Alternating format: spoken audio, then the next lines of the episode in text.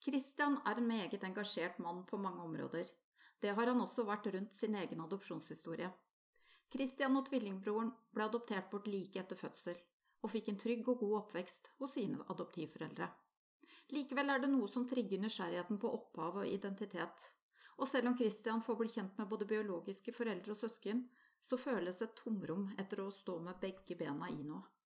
Christian forteller om sine tanker rundt dette, og hva det har hatt å si for hans veivalg gjennom livet. I dag har vi besøk av Christian i podkasten Adoptert. Og Christian, du har jo en adopsjonshistorie her i Norge fra 50-tallet? Ja da, det har jeg. Jeg har en adopsjonshistorie fra 1954 i sammen med en tvillingbror. hva vet du om din historie, egentlig?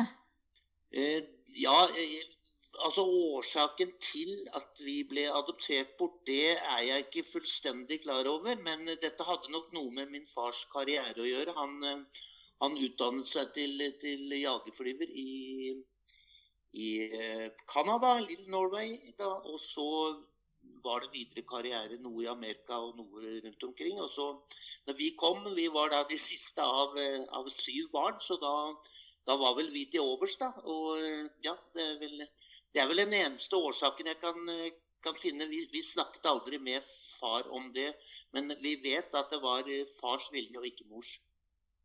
Eh, da du og tvillingbroren din ble adoptert bort, hvor gamle var dere da? Da var vi, Det var ved fødselen. Vi, vi, ble født, og så rett til våre adoptivforeldre, som da for øvrig het Ingolf og Ragnhild. Du bor i dag i Sandefjord, Kristian. Er det der du har vokst opp også? Nei, det er eh, faktisk et godt spørsmål. For jeg flyttet i 1989 til Sandefjord. Og fordi vi hadde adoptivfamilien min hadde familie der. Vi har vært mye på ferie i Sandefjord. Og trives veldig godt med, med byen. Og, og, dessuten så har jeg drevet mye med stuping og bading og sånne ting. Og det var ideelt i Sandefjord. Jeg vokste opp i Holstad i Ås kommune, hvor mine adoptivforeldre bodde. Drev et lite småbruk, gartneri, og min mor hadde butikk i Thomas Eftes gate i Oslo. Men når jeg hadde bodd i Sandefjord i to år, hvor vi da oppsøkte våre biologiske foreldre, eh, for øvrig gjennom, eh, gjennom eh, Frelsesarmeen, så til min store overraskelse så viste jeg at min biologiske far er fra Sandefjord. Så det kan være noe mellom himmel og jord, vet ikke. Iallfall så så møtte jeg jo også en bror her da i Sandefjord. Og, og det ble ganske sterke, sterke, følelser ut av dette her, ja. Da du og din eh, tvillingbror eh, ble adoptert, eh, var dere de eneste barna i familien da? Nei, det var, var fem barn fra før av, så vi var nummer seks og sju. Og som sagt tidligere, så kan vel det være en årsak til at vi ble adoptert bort. Og den familien dere kom til, ble dere de eneste barna der? Ja, det var en eh, utmerket familie. Min adoptivmor Ragnhild var fra Lier, Sørum i Lier, stor slekt. Og, vi, og, og, og, faren min da fra Oslo. Eh, Ingolf heter han, som sagt. Og han og adoptivmamma dem, dem ga oss en, en, veldig fin barndom. Var mye kjærlighet. Men dessverre så døde adoptivfaren når vi var tolv år, og da satt vi med, med, både butikker og eiendom. Da dere vokste opp, eh, var dere klar over eh, helt fra tidlig at dere var eh, adoptert? Nei. Når adoptivpappa døde, som sagt, når vi var tolv år, så, så, kom en venner av, av familien, da. En lensmann og Mott i Ski og fortalte oss det faktisk dagen etter at adoptivpappa døde. Så det var en sterk opplevelse. Husker du hva du som tolvåring tenkte da? Jeg var i et vakuum og, og følte vel at jeg Vi hadde vel kanskje fått noen Du vet, den gangen så var det også noen små barn som kunne være litt over på mobbestadiet. Så vi hadde vel hørt noe om at vi kanskje ikke var biologiske barn i, på Østensjø gård, da, hvor vi vokste opp. Men Nei, det er vanskelig å si. Det, det, en, det fikk en sånn veldig vakuum, ensomhetsopplevelse, som, som igjen medførte Ja, men heldigvis da, så hadde jeg jo tvillingbror Svein, og, og, det er klart det, det hjalp mye. Og så var vi fysisk og psykisk relativt greit utrusta, så vi drev mye idrett og hadde mye venner. Så, så for så vidt en barndom, fin barndom, men, men det, var, det, var, veldig tøft. Og dette her var rett før jul også, så, og min tvillingbror lå da på sykehus og var alvorlig syk. Han hadde en infeksjon i kroppen lå halvannet år på sykehus og nesten ett år på Martine Hansens hospital i Bærum. Så det var en eh, spesiell jul, det, i 1966. Dere sto jo på kanten til ungdomstiden da også, og tenkte sikkert ikke så mye på eh, opphav, men kom det i løpet av ungdomstiden at du tenkte på hvor du kom fra? Ja, definitivt. Vi tenkte mer og mer på det. Og vi tok det også opp med, med adoptivmamma, øh, men hun følte nok at det var litt vondt. Så når hun gikk bort i 1989, mm, adoptivpappa som sagt i 1966, øh, adoptivmamma i 1989, så, så valgte vi å, å, øh, undersøke hvor vi egentlig kom fra. Og, og, så det var noen år imellom der, men, men det var nok mer av, av respekt for mamma at vi ikke ville gjøre det. Men vi hadde jo et savn til, til, identitet, selv om mamma gjorde så godt hun kunne. Men når hun ble alene med oss to så, og hadde forretninger i Oslo og reiste til og fra Holstad stasjon og til Oslo hver eneste dag julaften med, så, så ble det nok litt at ja, vi, hadde, vi levde nok i et vakuum på en måte. Diskuterte dere noen gang det? At dere så dere nødt til å vente til hun eh, var borte? Ja, det gjorde vi.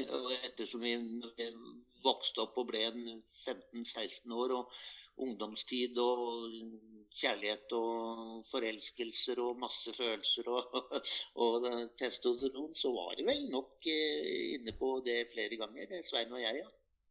Hvordan syns du det prega deg når du ble voksen da, Kristian?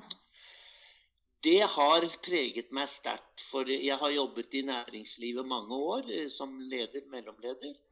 Og jeg, jeg, det, det, var sånn da at vi, en kunne få en utdannelse, og en kunne ikke få. Det vil si, dette hadde jo med økonomi å gjøre. Og så hadde det noe med at vi, at vi da drev denne gården som, som barn, men forpakta bort jorda. Det var korn, men vi dyrka grønnsaker og vi dyrka jordbær. Og vi fikk tidlig ansvar. Eh, når det er sagt, så, ja, så, så, vil jeg nok kanskje påpeke hvor viktig det er at vi, vi altså Som sagt, hun jobbet mye, og vi var mye for oss sjøl.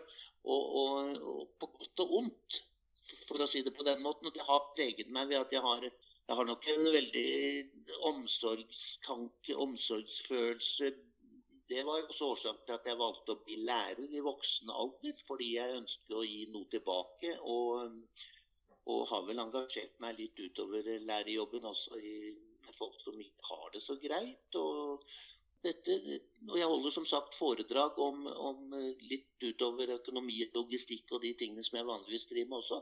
Så det har preget meg, og det preger meg også i dag eh, på den måten at jeg er nok sårbar. Jeg må innrømme det. At man kan eh, når jeg har holdt foredrag eller eh, vært på jobb, vært på skole, eh, og tiden går, så føler man kanskje noen ganger at nei, nå, nå er det er deilig å være Kristian, men noen ganger kan det være litt ensomt også.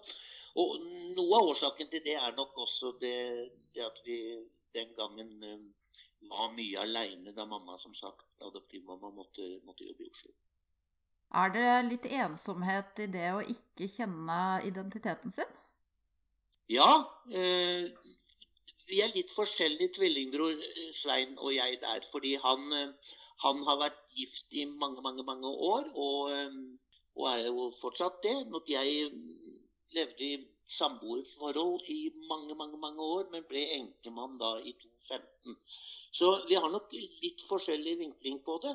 Uh, han er nok mer sammen med to familier.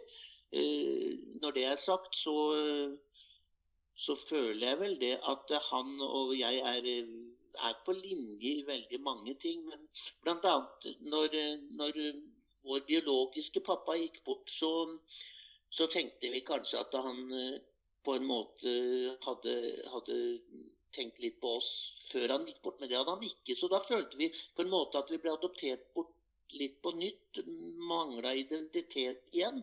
Men vinklingen fra tvillingbror og meg er litt forskjellig der. fordi at jeg har nok nettopp, Selv om jeg har en utmerket omsorgsfull og god kjæreste, så bor hun i Kragerø, og jeg bor jo da i Sandefjord. Og, og, og det gjør nok at jeg har nok en større behov for å tilhøre noe enn det han har, tenker jeg. Da dere til slutt bestemte dere sammen for å begynne å lete etter biologisk opphav, så hadde dere jo ikke snakket med adoptivmor på det på forhånd, men hadde dere noen papirer og visste hvor dere skulle begynne å lete? Nei, vi ante ingenting. Det gjorde vi ikke, så det var som å lete etter den berømte nåla i en høystakk. Det var rett og slett å begynne med ja, vi begynte jo med Frelsesarmeen. Og eller vi for så vidt begynte med, med det offentlige og, og, se om vi fant litt eh, opplysninger om oss. Men det var taushetsplikter og taushetsplikter og taushetsplikter. Men det var, det var Frelsesarmeen som, eh, som da fant frem til våre biologiske foreldre. Og eh, på det tidspunktet så levde jo begge to. Min, min biologiske mor døde i 2000. Så vi fikk noen få år, og det var sterkt. Fordi mm, vi møttes jo da etter hvert, men det var jo ikke så lett, det heller. Hvordan tok du kontakt med biologisk mor? Eh, vi tok ikke kontakt med biologisk mor, men vi tok, tok, kontakt med biologisk far. Og i begynnelsen så ville ikke han ha noe med oss å gjøre. Han, eh, han han følte vel at det ble veldig sterkt for mor, for vi har jo forstått i ettertid at, eh, at mor var veldig mot dette her. Og, og, og, og det var sterkt for henne hele livet. Men heldigvis så fikk vi noen år sammen med henne. Og når hun gikk bort i, i år 2000, så var det med, sikkert med oss i, som en del av livsminnet, da. Men uh, pappa, eller adoptiv, nei ikke adoptivpappa, men uh, biologiske pappa, vi gikk turer, og vi hadde et greit forhold helt til som sagt han gikk bort i, i, i fjor. Men på et eller annet tidspunkt så, så fikk dere innpass. Han eh, lot dere til slutt eh, få møte biologisk mor? Ja, det er en sterk historie der også, for jeg møtte en bror som, eh, som slet litt av litt usikkert av hvilke grunner han slet, men han hadde i perioder et, et, problem med, med, med syke og rus. Og han valgte da å ta livet sitt midt oppi dette her òg, så vi mistet da en bror i, helt i begynnelsen av 90-tallet. Og det gjorde jo situasjonen enda vanskeligere. Og jeg ble dårlig, jeg ble psykisk syk av det, så jeg eh, kontaktet lege. Jeg jobbet da uh, jeg satt på kontoret og følte sånn veldig trang til å bare hoppe ut i det blå, hadde jeg nær sagt. Så jeg tok kontakt med fastlegen min og var eh, så vidt innom psykiatrisk da i Tønsberg og fikk litt orden på ting. Og det var jo, Årsaken var jo det at det ble for sterkt, dette med først våre biologiske foreldre, så dette stellemordet. Og så alt dette at man føler ansvar hele tiden. For det hadde vi gjort siden vi var tolv år, i og med at vi ble alene på et tidlig tidspunkt, altså uten, uten far. Da. Så, så, da valgte jeg å søke hjelp, og fikk hjelp. Og da var det vel fastlegen min som, som sier Det var ganske direkte sagt, men jeg husker godt eh, at han sa til far at hvis ikke du tar imot din, så mister du en sønn til. Sterke ord, men eh, det, det, ble aldri sånn, men eh, det var, det var, ikke, det var en kronglete vei. Det var en, en, en, Men når vi først møttes i sammen, altså tvillingbror og, og meg og foreldre, så ble det veldig sterkt fra mor. Men du vet, menn på den tiden der, og de viser ikke følelser sånn som en del menn er flinkere til i dag og er heller ikke så åpne.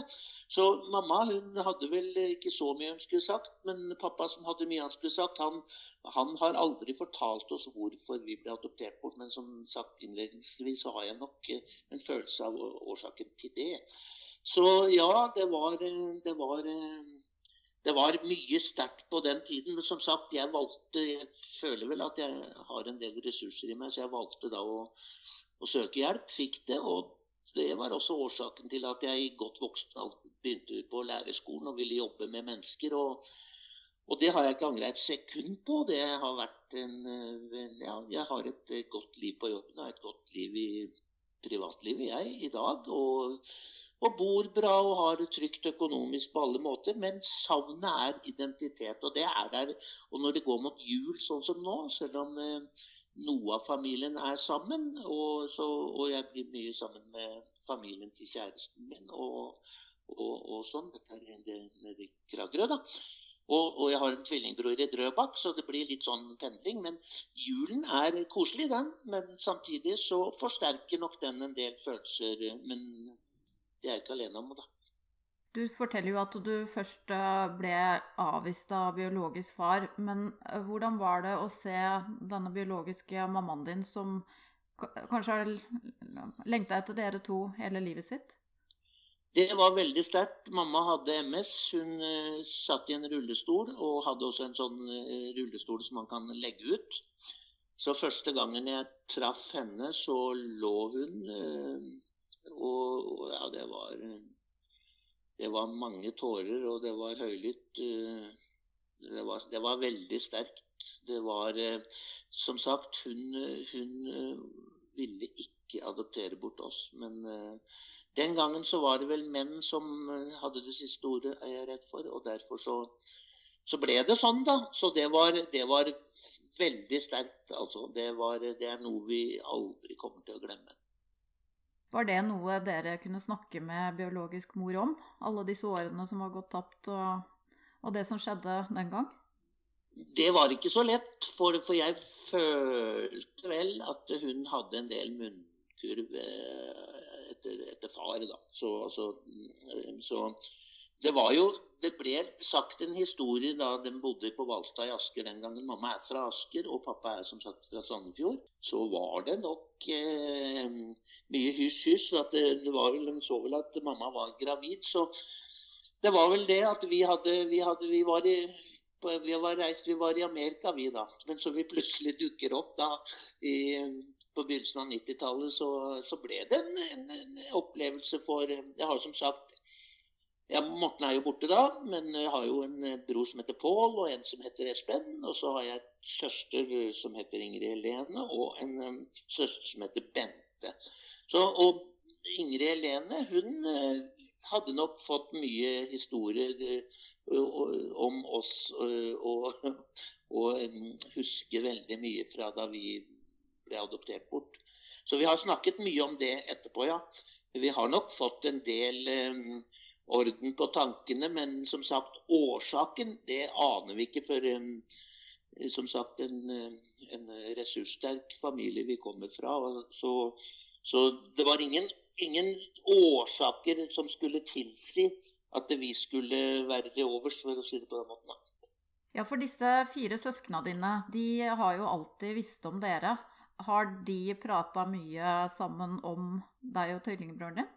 Ja, eh, både ja og nei. Eh, det er nok sånn at eh, den familien er nok ikke like nær på alle områder som det vi tvillingene er. Men eh, eldstebror Pål og, og vi, vi, seiler sammen, vi er på hytta sammen. Vi, vi, vi har veldig mye felles.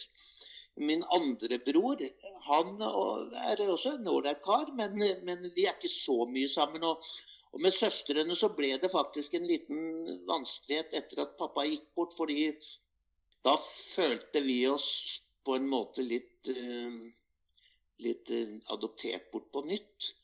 Og da ble det litt sånn at man må ta noen valg her i livet. Velge, velge bort. Så, så jeg har ikke det beste forhold til søstrene mine, dessverre. Men jeg har som sagt et veldig godt forhold til eldstebror. Og, og, og vi, ja, vi, vet jo at vedrørende arv og sånn, så har vi ikke noe rettigheter. Men det, det, går jo an å bruke følelser også. Vi har nå vært i den familien i 25 år igjen. Da. Og vel så det.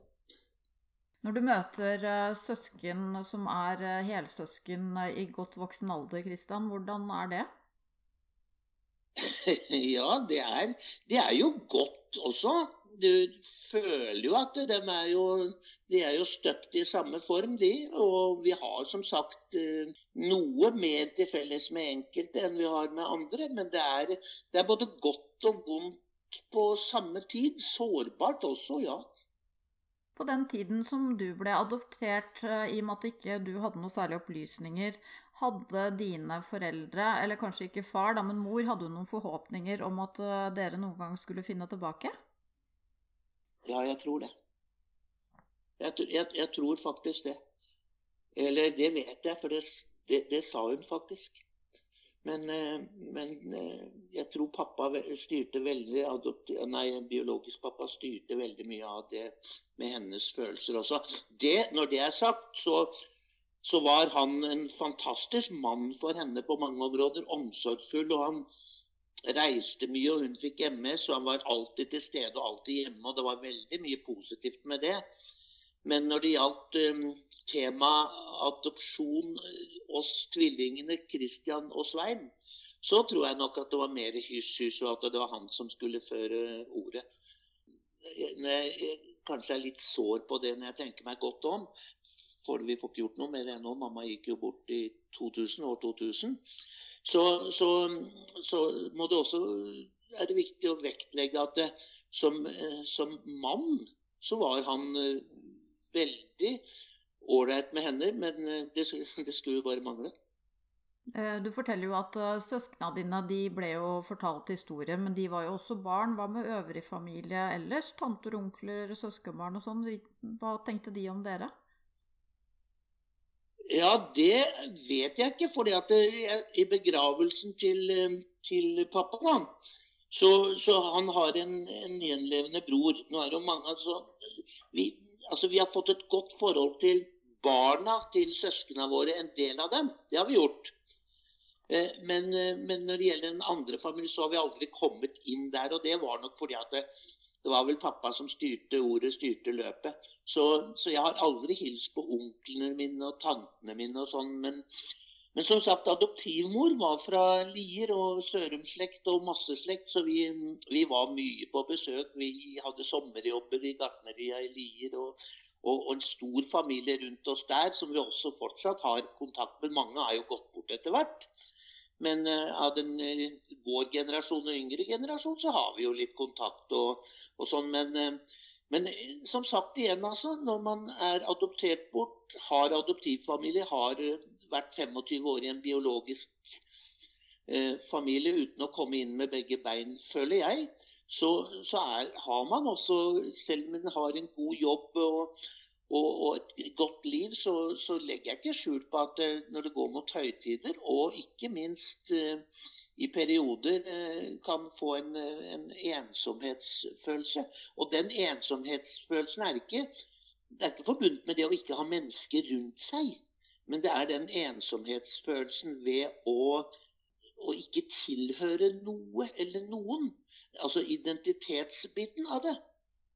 Tenker du som adoptert som har fått kjenne begge familier, både adoptiv og, og biologisk, tenker du at uh, du aldri helt blir, eller kan bli knytta til det ene eller det andre?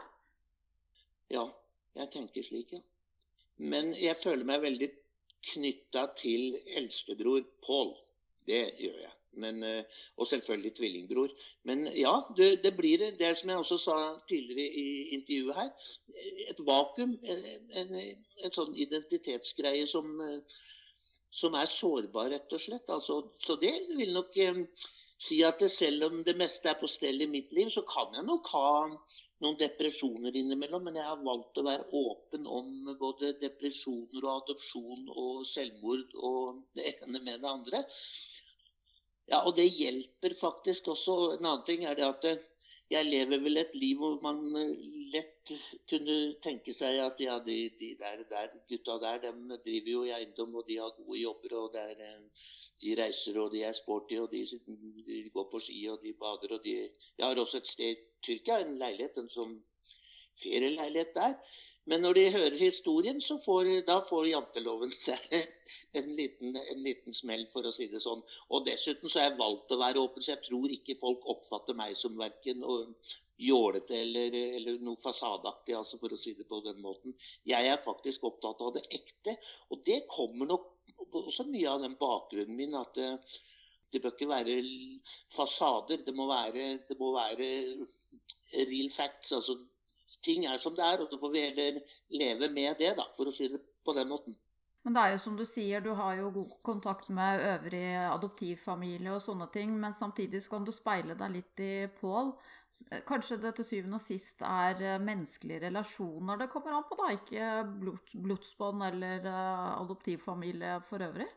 Ja, jeg tror det. Jeg er ganske sikker på det. At uh, noen får en selv med søsken. Er, vi hører jo stadig at det er noe i enhver familie, og det er det jo sikkert det. Men, men, det, men det går nok kanskje mer på type menneske, kjemi og felles interesser enn en blodsbånd, ja. Du holder jo foredrag, Kristian. Kan ikke du fortelle litt om hva du holder foredrag om? Ja, det handler om det å bli født som gråstein, da, og så ender opp med en relativt, eh, en relativt vellykket forretningsmann og, og, yrkesutøver, kaller jeg meg sjøl. Så, så det, det, handler om at det er håp for alle. det handler om at det, Og så går det veldig mye på motivasjon. Det går på åpenhet, ærlighet. Det å, å jobbe sammen felles mot delmål og mål. Jeg driver også med lederutvikling. Og der er jo Min far var en leder, men han var av det vi kaller den gamle skolen. Og de som kjenner oss begge, kan ikke skjønne, bortsett fra likheten. De ser jo Min far bodde på Tjøme, og jeg er underviser bl.a. i Tønsberg. Og de ser jo at jeg er eh, barn av han, hans opphav. Men uh, vi er nok helt forskjellige vinklinger når det gjelder Han var nok en veldig militær leder, mot jeg er nok nesten det motsatte. Og, og, det har jeg dratt erfaring av, så jeg driver da som sagt med lederutvikling. Som igjen vil si at man eh, de viktigste ressursene rundt oss, det er de menneskene vi har rundt oss. Og så drar vi sammen mot felles delmål og mål.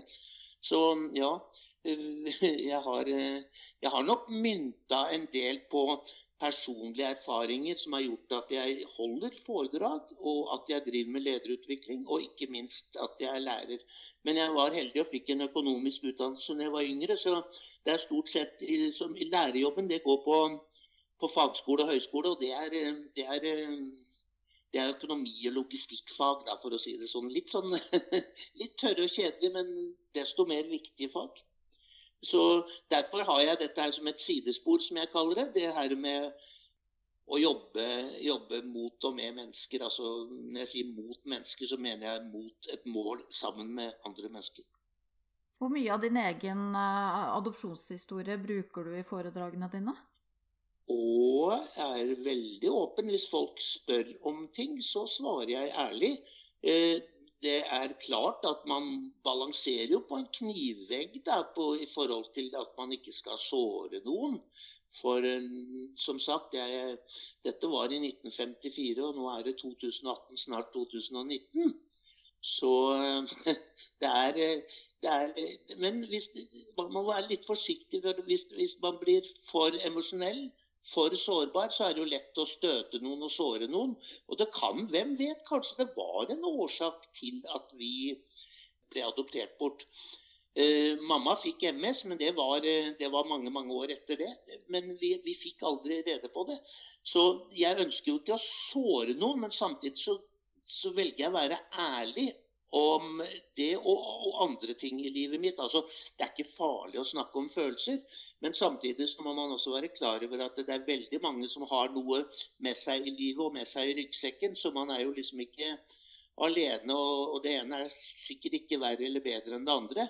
Men eh, sånn individuelt sett så, så har jeg valgt å være åpen. Ujålete, rett og slett.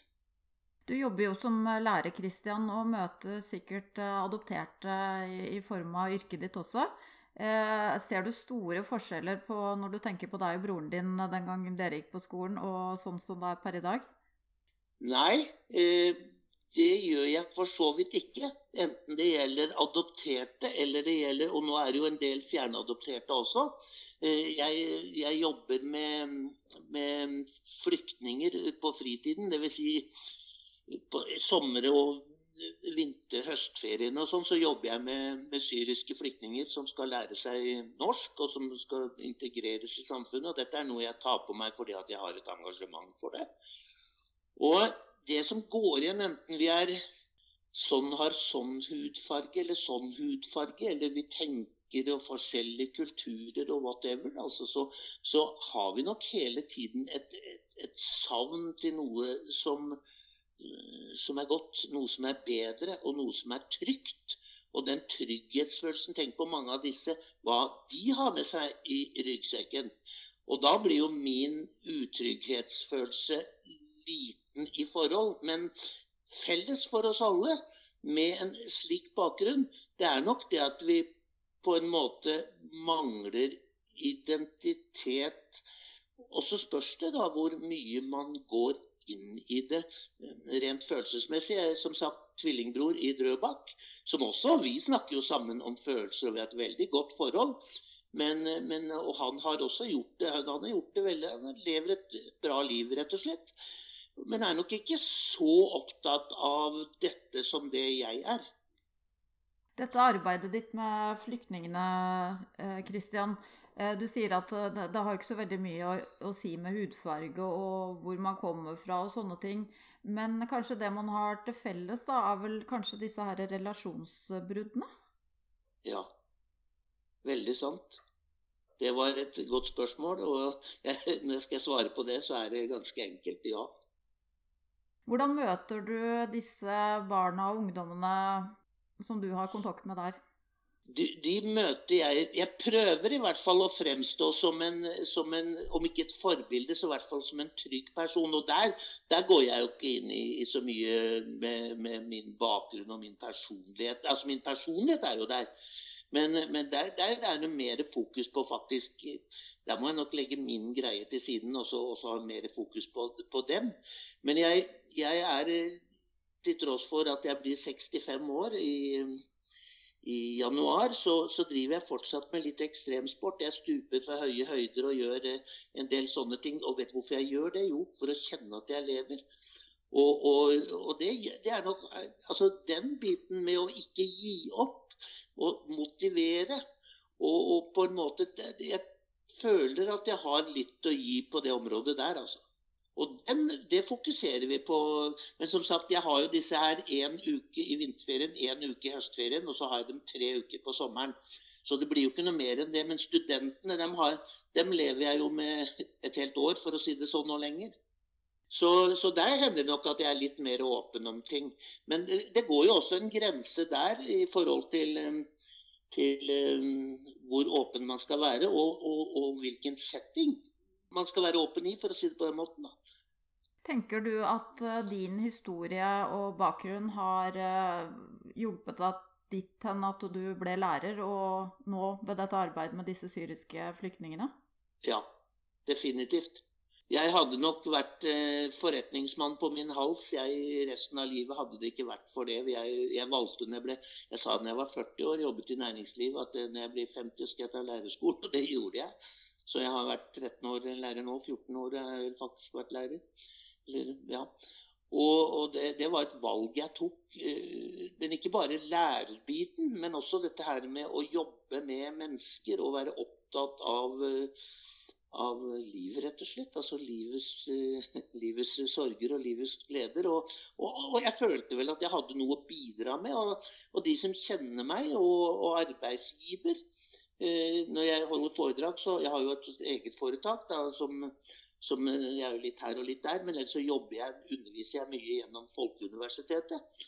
Og det er alt fra Vestfold og Telemark og, og ja, også noe i Buskerud. da. Og de har vært en alle tiders samarbeidspartner i, i, mange år for meg nå.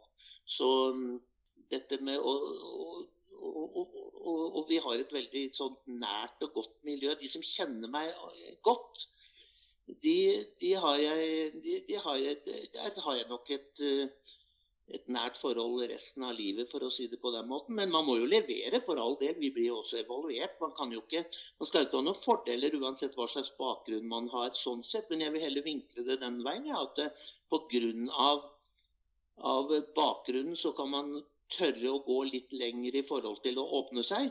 Og mange mennesker har faktisk behov for at såkalte rollemodeller og forbilder åpner seg. Fordi om du vil eller ikke, så blir du på en måte et forbilde for en del mennesker når du når du, når du møter mennesker i den settingen som jeg gjør, da. Det er lett å merke at du har et stort eh, engasjement for dette her, Kristian, så jeg ser ikke for meg at du eh, pensjonerer deg med det første. Nei, det er mange som har spurt meg om det. Eh, det Så sant helsa holder. Jeg fikk jo føle på kroppen veldig nært at, at jeg, det tok fem uker fra, fra, Solveig gikk bort, eller fra hun ble syk til hun gikk bort. Det var på vårt feriested i Tyrkia og fikk ambulansefly hjem. Og så var det en måned på sykehus hvor jeg mer eller mindre bodde, men jeg valgte å jobbe da også. Til hun gikk bort i mai 2015. Men eh, jeg, jeg, lever et sunt liv. Jeg trener og jeg er aktiv, men har ingen garanti for at man ikke Men holder jeg meg frisk, både i hodet og i kropp, for å si det på den måten, så tror jeg nok at jeg holder på både som lærer og foredragsholder til jeg blir hva skal jeg si, 70 pluss. Det høres veldig bra ut, Kristian. Da vil jeg bare si tusen takk for din historie, og at du ville være gjest på podkasten. Jo, og takk i like måte.